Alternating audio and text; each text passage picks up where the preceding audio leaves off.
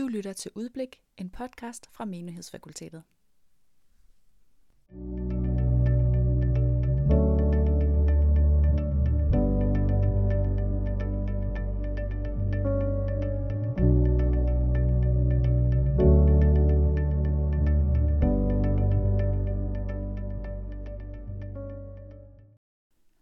Udblik er en personlig samtale med et menneske, der har indblik i teologiens verden, og som har gjort sig tanker om tro og eksistens. Vi vil fokusere på, hvilken kobling der er mellem teologien på den ene side og det levede liv i kirke og hverdag på den anden side. Vi vil med andre ord forsøge at forvandle indblik til udblik.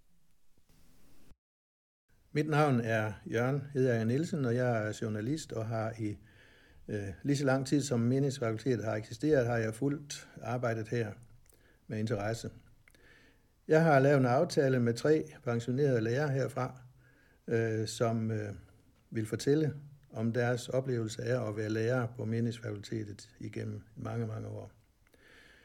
Min første gæst, det er Asger Christian Højlund, og kort fortalt så er han student fra Jørgen Gymnasium i 1970, blev kendt til OL fra Aarhus Universitet i 1979 og begyndte samme år at undervise på Meningsfakultetet, hvor han blev lektor i 1992 og professor i 2007. Og i 2018 blev han pensioneret. Han blev doktor til OL i 1992. Asger har skrevet seks bøger, og udover bøgerne er han, øh, har han bidraget til øh, mange antologier og en lang række artikler. På MF's hjemmeside fylder oversigten over hans skriftlige produktion syv sider.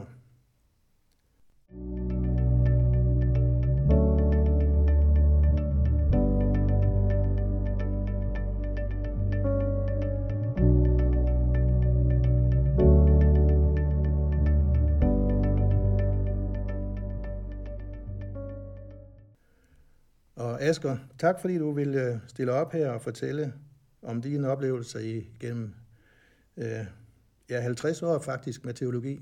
Mm-hmm. Tak selv. Det første spørgsmål, det er, hvorfor skal der stadigvæk forskes i teologi? Øh, er alle spørgsmål ikke afklaret igennem de 2.000 år, der er gået siden Ny Testamentet blev skrevet? Ja, de er det så åbenbart ikke, siden der bliver ved med at blive diskuteret så meget, som der bliver diskuteret om, hvordan, hvad kristen tro overhovedet er for noget. Jeg tænker, at man skal i hvert fald være klar over, at der er jo forskel på øh, videnskab, alt efter hvad det er for et forskningsområde, man arbejder indenfor. Hvis det er medicin, så er det klart, at så er der ting, der ligesom bliver lagt til side, når man har fundet ud af det, og så går man videre og finder ud af nye ting. Og der er det jo meget vigtigt, at der hele tiden er en produktion af nye ting og sådan noget.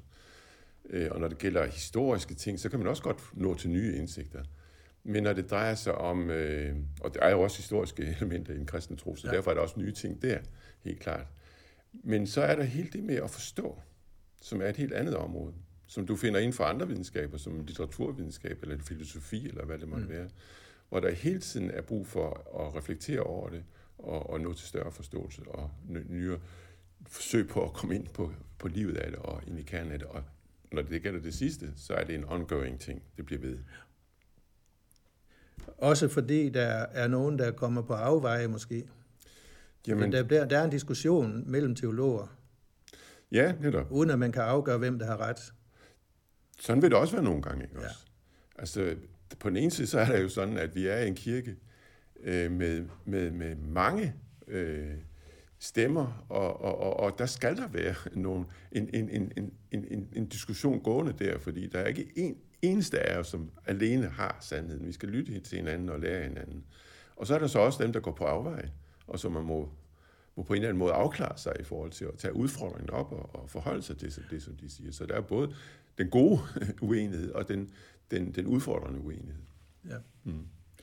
Når man kigger i øh, det foredragskatalog, der ligger øh, i forbindelse med, med beskrivelsen af dig på, på MF's hjemmeside, så, øh, så står der Luther og hans anlæggende. Det er at være luthersk. Troen på en treenig Gud, dåben og nadveren og troen øh, på Jesus og, og den kristne tros tilblivelse. Jeg formoder, at de, de øh, emner her, de afspejler det, du især har arbejdet med i din forskning og undervisning. Ja. Ja, især det med Luther selvfølgelig, og det med troen på Kristus, det er jo det, jeg har skrevet de største bøger, jeg har skrevet om.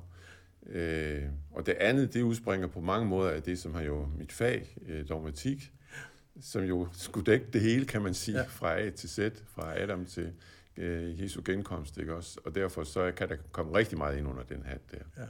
Og jeg har undervist omkring, selvfølgelig sådan noget som sakramenterne fylder rigtig meget i, i dogmatikundervisningen, så, så det ligger også helt i forlængelse af det.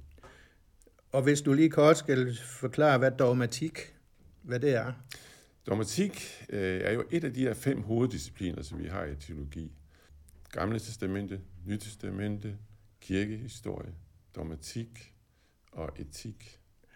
Og så har vi praktisk teologi, som også er et vigtigt fag. Øh, og dogmatikken, det er, kan man sige, der, hvor vi prøver på at kigge tilbage på både Gamle Nye og kirkehistorie og sige, hvad er så den kristne tro? Øh, når det skal forkyndes, og når det skal læres, og når det skal tænkes omkring det i dag. Så det er, det, man kan også kalde det bare for troslærer, simpelthen.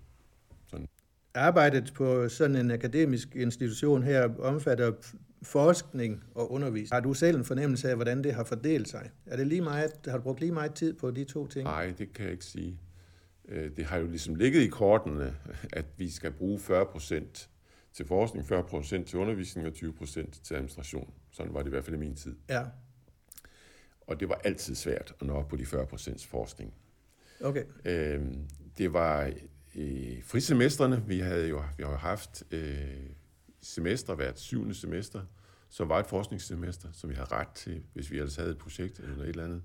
Så det har det jo været helt klart rigtig vigtigt at have. Og så har det været i, øh, i de ikke undervis, de undervisningsfri perioder, så man kunne bruge tid til sådan noget i. I selve undervisningsperioden har jeg været dårlig til at have et forskningsprojekt kørende ved siden af. Mm. Det, har, det har jeg simpelthen ikke haft mulighed for og tid til. Forskningen øh, skal være fri for, at man kan kalde det akademisk. Sådan har jeg forstået det. Øh, forskerne skal ikke være bundet af nogle ting. Og der er der nogen, som fra andre fakulteter i landet måske, der har sagt, at man kan ikke drive videnskabelig forskning når man har et fast grundlag, som meningsfakultetet har, nemlig evangelisk-luthersk. Øh, hvad er din kommentar til det? Jeg ser på det der, som du siger, grundlag, ikke bare som en eller anden form for øh, spændetrøje eller en eller anden form for øh, hegn. Jeg ser mere på det som det stofområde, som nu engang er vores stofområde. Mm. Og så hvad er det, vi skal undersøge? Vi skal undersøge, hvad kristen tro er for noget. Ja. Og, og, og, og hvad er det, der så definerer, hvad kristen tro er for noget? Jamen, det er jo Bibelen, og det er den, kirke, den kristne kirkes bekendelse, og for vores vedkommende dermed også den lutherske bekendelse. Så det er simpelthen en aftegning af det område, vi undersøger i, og hvor vi går på, på fri opdagelse i, kan man sige. Der er jeg ikke bundet. Jeg er bundet af, af genstanden, men jeg er ikke bundet af den måde, jeg går til den genstand på. Øh, sådan er det i hvert fald i en, en god verden, en ideel verden. Det, Øh, og så, så vil jeg grundlæggende sige, at jeg ser på det, at vi har et bekendelsesgrundlag. Et bekendelsesgrundlag, det kan man godt sige, det er simpelthen et udtryk for, at det her, det er den genstand, vi undersøger. Ligesom en astronom undersøger stjernehimlen og ikke prøver på at finde ud af andre muligheder for forklaringer. Det er måske bare et parallelunivers eller et eller andet, jo, det kan godt være, at de tænker sådan. Men det er det, han forholder sig til. Og så prøver han at finde ud af, hvad er det for nogle tilgang, jeg skal have for at få ind og trænge ind i, hvad det egentlig er for noget, det her. Hvilke metoder må jeg bruge? Øh, sådan, sådan vil jeg også se på mit arbejde. Jeg må finde de metoder, der passer for at komme ind i den genstand. Og hvad så, øh, hvad er dit korte svar til dem, der siger, at du ikke kan være videnskabelig? Jamen, øh, jeg vil sige, det er et alt, alt for snævert videnskabsbegreb, man så bruger. Mm. Alt, alt for snævert. Et videnskabsbegreb, som aldrig vil kunne gå hvis du øh, skulle bruge det på, på øh, for eksempel øh, sprogvidenskab, eller på øh, litteraturvidenskab, eller på musikvidenskab, eller på jura. Hvis det skal bruges, hvis, hvis der skal bruges så, snart, så snævert videnskabsbegreb, som nogen vil presse ned over teologi, så er de andre også lukket ude.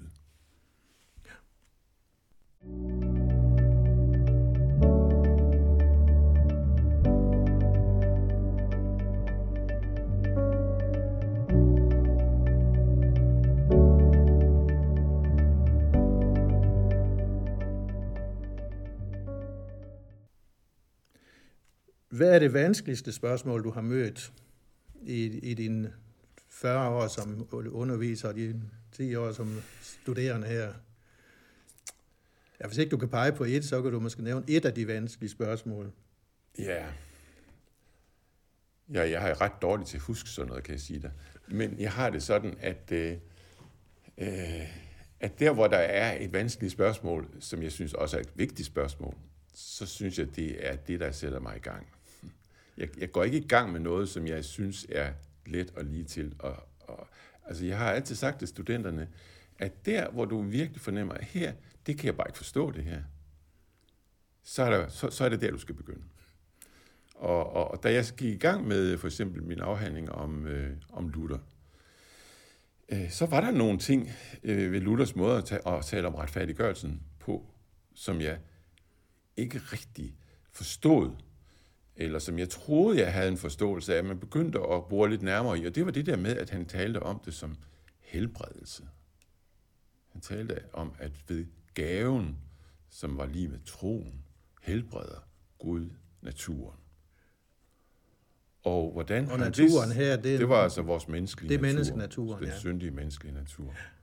Og, øh, og hvordan hang det sammen med det, som jeg jo havde lært øh, igennem øh, den gode forkyndelse, jeg havde mødt i KFS og andre steder, om at øh, jeg får kristi retfærdighed som min retfærdighed, og ikke noget med, at jeg skal blive forvandlet for at blive retfærdig. Hvordan hang det sammen? Det synes jeg var så mærkeligt. Der var sådan nogle mærkelige ting hos Luther. Men det var i- også præcis det, der gjorde det så fascinerende at gå i gang med. Ikke også? Så det i sig selv, synes jeg jo, altså vanskelige ting er gode ting i den forstand. Mm. Ja. Og det samme også, når jeg skulle arbejde med, med kosmologien, øh, så var det da helt klart, for det første clashet imellem den måde, som man taler om Jesus på i dag, og og så den måde, som kirken har bekendt hans, han, ham på. Altså imellem, at han er menneske, Gud eventuelt virker igennem, eller som Gud på en eller anden måde viser sig igen, og at han er Gud og menneske. Og, og hele det koncept, Gud og menneske, som jo er temmelig svært at tænke sammen, faktisk. Mm. Øh, så det i sig selv gør, øh, gør det spændende og, og udfordrende. Og, og ikke, ikke negativt udfordrende, men ud- udfordrende på en god måde, synes jeg. Hvis nu vi skal dreje det her lidt i en lidt mere personlig retning, øh, er det, det beskæftigelse med de her ting, har det ført dig nærmere til Gud, eller har det også indimellem skabt tvivl og anfægtelse? Du kan vel ikke arbejde med det her, uden at det berører dig selv? Nej, det kan jeg ikke. Og det er da også kun, altså jeg har jo været så privilegeret, at jeg kunne arbejde med noget, som, som jeg synes var, var jo vigtigt for mig selv. Øhm, det har ikke været, øh, hvad man med et, et grimt ord kalder for flueknæpperi. det har det ikke. Det synes jeg virkelig ikke, og det har jeg ikke kunnet leve med, øh, hvis det havde været det. Øh, så, øh, så det er klart, at det berører mig selv, og det har, har haft med noget med mig at gøre også. Samtidig med, at det var jo en konkret sag, det var nogle skrifter, det var nogle måder at tænke på, som jeg så også skulle forholde mig så nogenlunde øh, nøgteren til at prøve på at tænke godt igennem. Øh, jeg tænkte i hvert fald fra starten af, at det at arbejde med Luther, det, det gjorde, det var godt for min tro, og, øh, og det var vigtigt for min tro. Øh, og, og sådan synes jeg nok grundlæggende, jeg har haft det det meste af tiden. Jeg har ikke, jeg har været anfægtet i den, jeg har, nej, jeg kan ikke sige, at jeg har været anfægtet i den forstand, at det var et spørgsmål om, om jeg, om jeg egentlig var galt fat, og om Gud ikke eksisterede, og sådan nogle ting der. Det har ikke været mine anfægtelser. Det har der været andres, men det har ikke været mine. Mm. Og så kunne man måske spørge her, for nu arbejder du jo på et akademisk niveau og har formodentlig i din undervisning og i noget af din skriveri har et, et fagsprog. Hvad, hvad kan en almindelig lægmand i Danmark, hvad, hvad, hvad gavn har øh, lægefolket i Danmark af, at, at I sidder og forsker her? For mit eget vedkommende, hvis nu endelig skal sige det, så har jeg øh, nok ikke været den, der har brugt det mest øh, utilgængelige fagsprog. Øh, bortset fra tysk og latin. Ja. Men øh, ellers så har jeg for mit eget vedkommende haft behov for at kunne tale og skrive sådan, så det også på en eller anden måde var dansk og forståeligt. Men jeg er helt med på, at sådan kan alle ikke arbejde, og, og jeg har siddet lige for tiden og læser en afhandling, hvor, bestemt, hvor der bestemt er et meget højt likstal, og, og, og hvor der bruges meget tekniske ting og termer. Mm. Det er mm. klart. Og jeg tror, at det er, er nødvendigt også at arbejde på den der måde.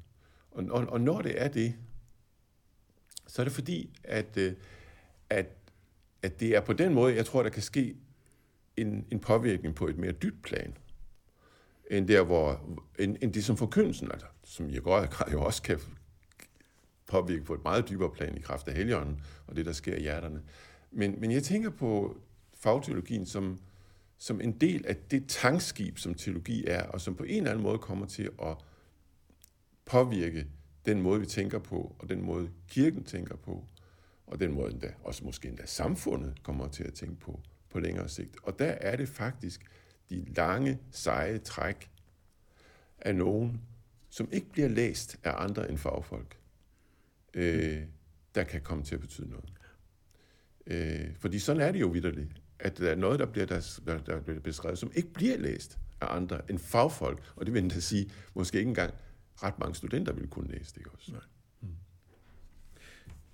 Og dermed har du også øh, begrundet, hvorfor øh, at en præst skal læse teologi i temmelig mange år ja. for at være en god præst. Ja, det, det har jeg vel. Altså han skal jo være med til at kunne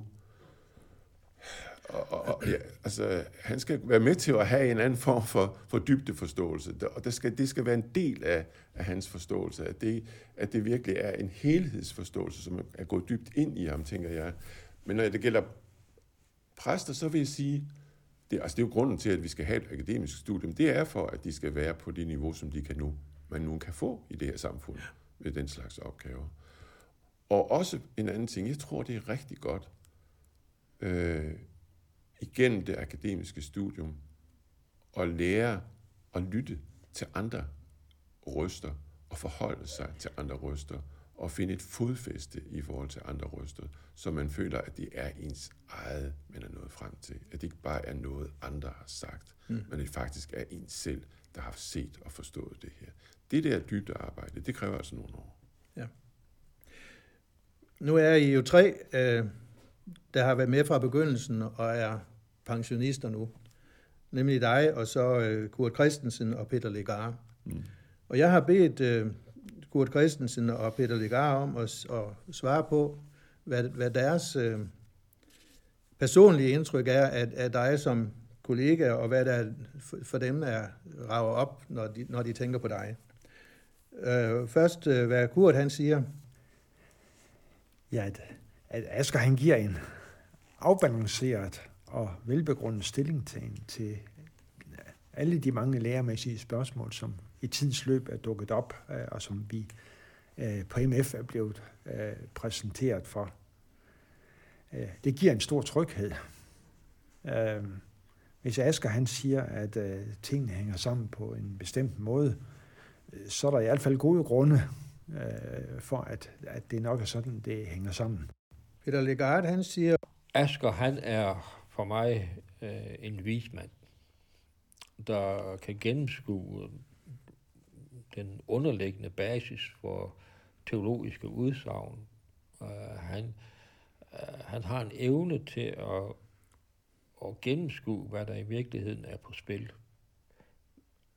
Han er også reddet til så at trække nogle grænser, og det gør han med, stor, uh, med stort engagement. Han er vores mand på Luther. Han ved alt om Luther og luthersk teologi. Han er en usædvanlig sprogbegævelse, og så er han musikalt til svingerspidserne. Han er MF's kirkelig teolog, og så er han en god ven. Det er ikke fordi, jeg sådan lige vil bede dig om at reagere på det, men hvis du selv skal øh, sige, hvad, hvad dit væsentligste bidrag har været igennem de år, du har virket som teolog, hvad, hvad kommer så lige i tankerne? Ja. Hm. Jamen, jeg er da glad for, at jeg skrev min afhandling i Luther i sin tid, for jeg tror, det har været en god basis for mig i undervisningen. Og at det, det på en eller anden måde har været en del af, af vores DNA her på MV. Og det var det jo høj grad også, da vi så skulle fejre jubilæum, og der så også var noget at byde ind med der. Så, så det har jeg jo været rigtig glad for, og, det, og jeg tror da bestemt også, at det har været et bidrag til fællesskabet her. Det var mig, der ligesom havde den hat på.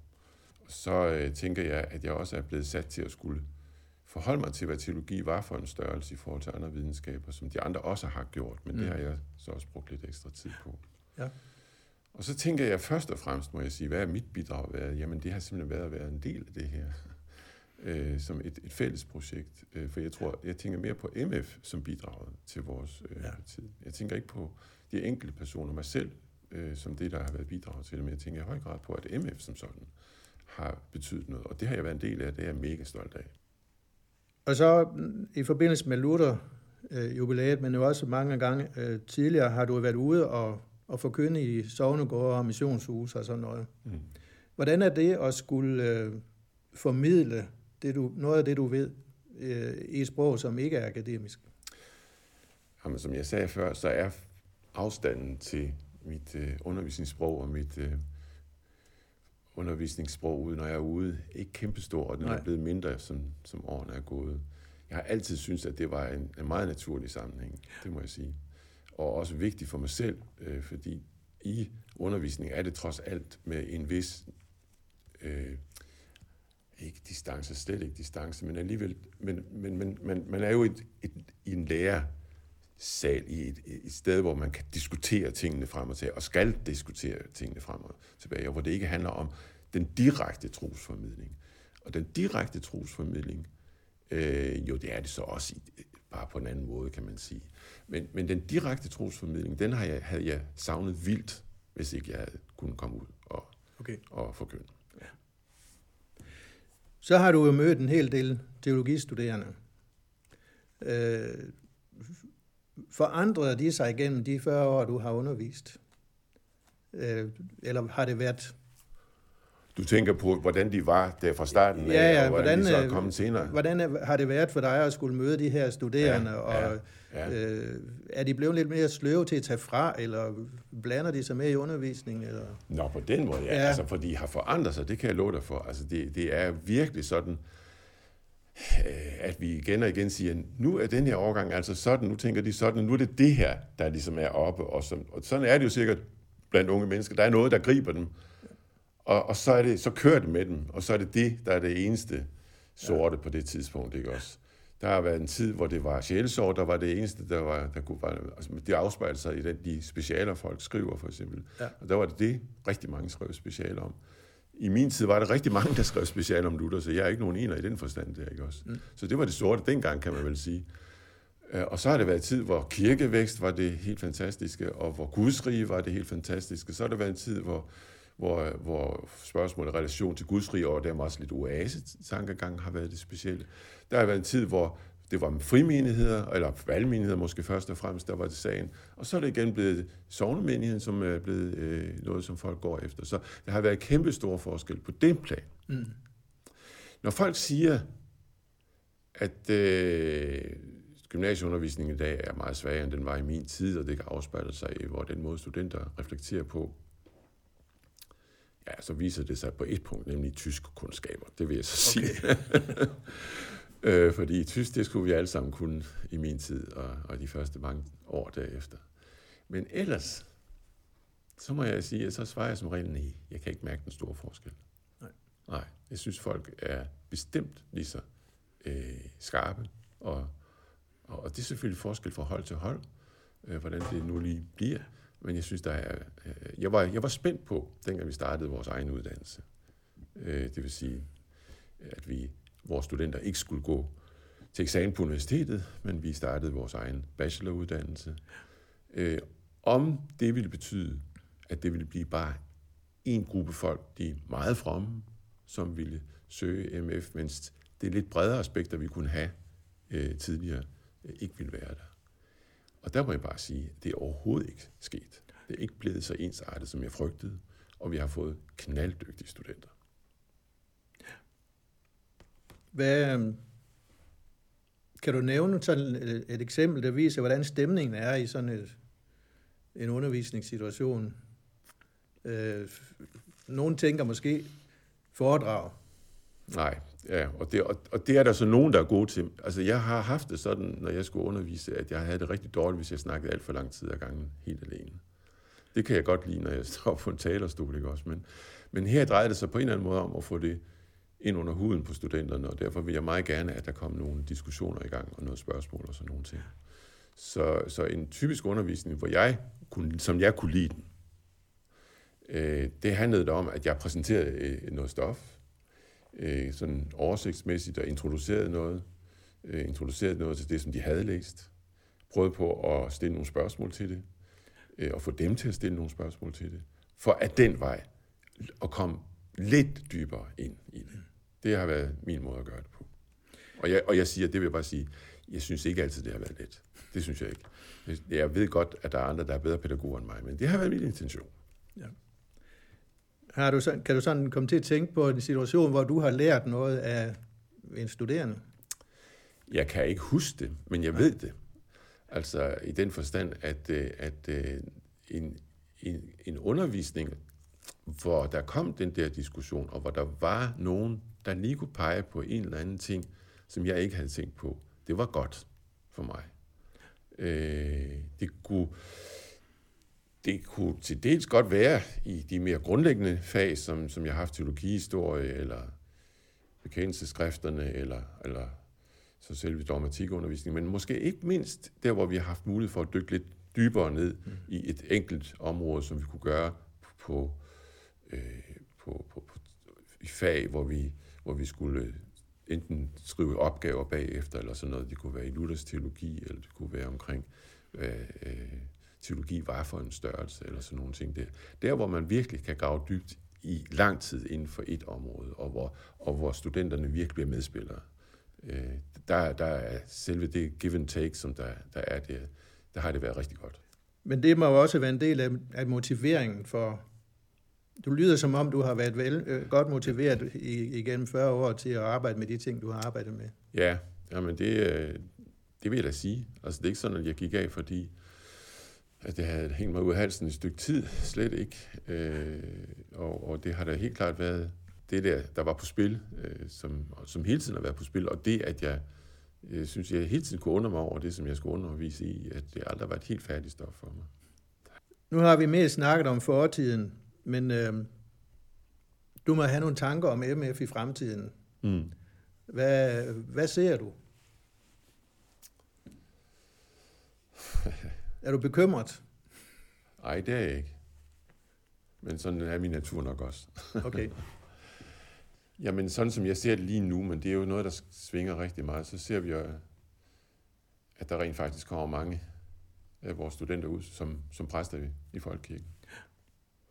Og jeg tænker, at, øh, at det gør en forskel, og øh, jeg tænker, at måske, måske øh, er der en, øh, en, en fremtid, øh, også for folkekirken. Jeg kan ikke se andre alternativer lige nu. Jeg er meget med på, at vi har valgmenigheder, og vi har frimenigheder, og det kan godt være, at den tid er forbi, hvor vi kan have så stor en kirke, som folkekirken er. Øh, men måske er der også en tid, hvor folk vil vende tilbage, og at øh, MF vil spille en rigtig, rigtig vigtig rolle. Nu ved jeg godt, nu befinder jeg mig lidt over jordskorpen, langt over jordskorpen. Øh, men, så, så jeg tænker, at vi, er, vi kan måske være en del af, af noget, der er ved at ske et eller andet sted. Samtidig med, at der sker rigtig mange træls ting i Folkekirken, så sker der også gode ting i Folkekirken. Og jeg tror måske, at MF kan være en del af det. Eller jeg er overbevist om, at MF kan være en del af det. Så det tænker jeg, når det gælder forhold til kirken. Så, ja, så håber jeg også et eller andet sted, at biskopperne er klar over, at hvis ikke MF og DVI var der, så, øh, så vil det ikke være ret godt. Altså jeg tænker måske, at de er med på, at sådan som universiteterne udvikler sig, ikke de enkelte lærer nødvendigvis, men som institutioner, som mere og mere sekulære institutioner, og med en teologi, som bliver mere og mere sekulær, så får kirken problemer. Så er det et ægteskab, som de stadigvæk sværger til mellem fakulteternes øh, uddannelse og så præstens, præstembede, så er det ægteskab ikke særlig fast og godt. Og jeg tror, at nogen tænker lidt i den retning, og måske endda kunne forestille sig, at MF bliver en mere synlig spiller øh, i forhold til den fremtid. Det er i hvert fald det, vi arbejder på. Og jeg, jeg, mm. jeg, jeg, jeg, og jeg ved godt, der ligger fare gemt i det, fordi når man bliver synlig, bliver man så også stor. Og hvad sker der så med os? Fordi så er der en prestige, vi skal bevare. Så jeg tror, at vi skal overlade mange af de ting til Gud og håbe, at han bevarer os øh, på en, en god og sund vej, og ikke at en eventuel indflydelse fører til, at vi bliver opløst rent øh, teologisk og, og ender i en eller anden bred og intetsigende størrelse. Det tænker jeg ikke om AMS nu. Det må jeg virkelig Nej. sige. Overhovedet ikke. Med de lærer, vi har nu, overhovedet ikke. Nej. Øh, men den far skal vi da altid være klar over, ligger der. Men samtidig så tænker jeg, at vi skal søge den indflydelse, vi kan få. Og jeg lægger mærke til, at du, du siger vi stadigvæk. Altså, man bliver godt nok pensioneret, men man forlader ikke MF. Nej, det gør man ikke, og det har Thomas og andre hernede jo også sørget for, at jeg ikke skulle føle i hvert fald. Så, ja. så det er der ingen grund til, nej. nej. Mm. Tak for snakken. Velkommen.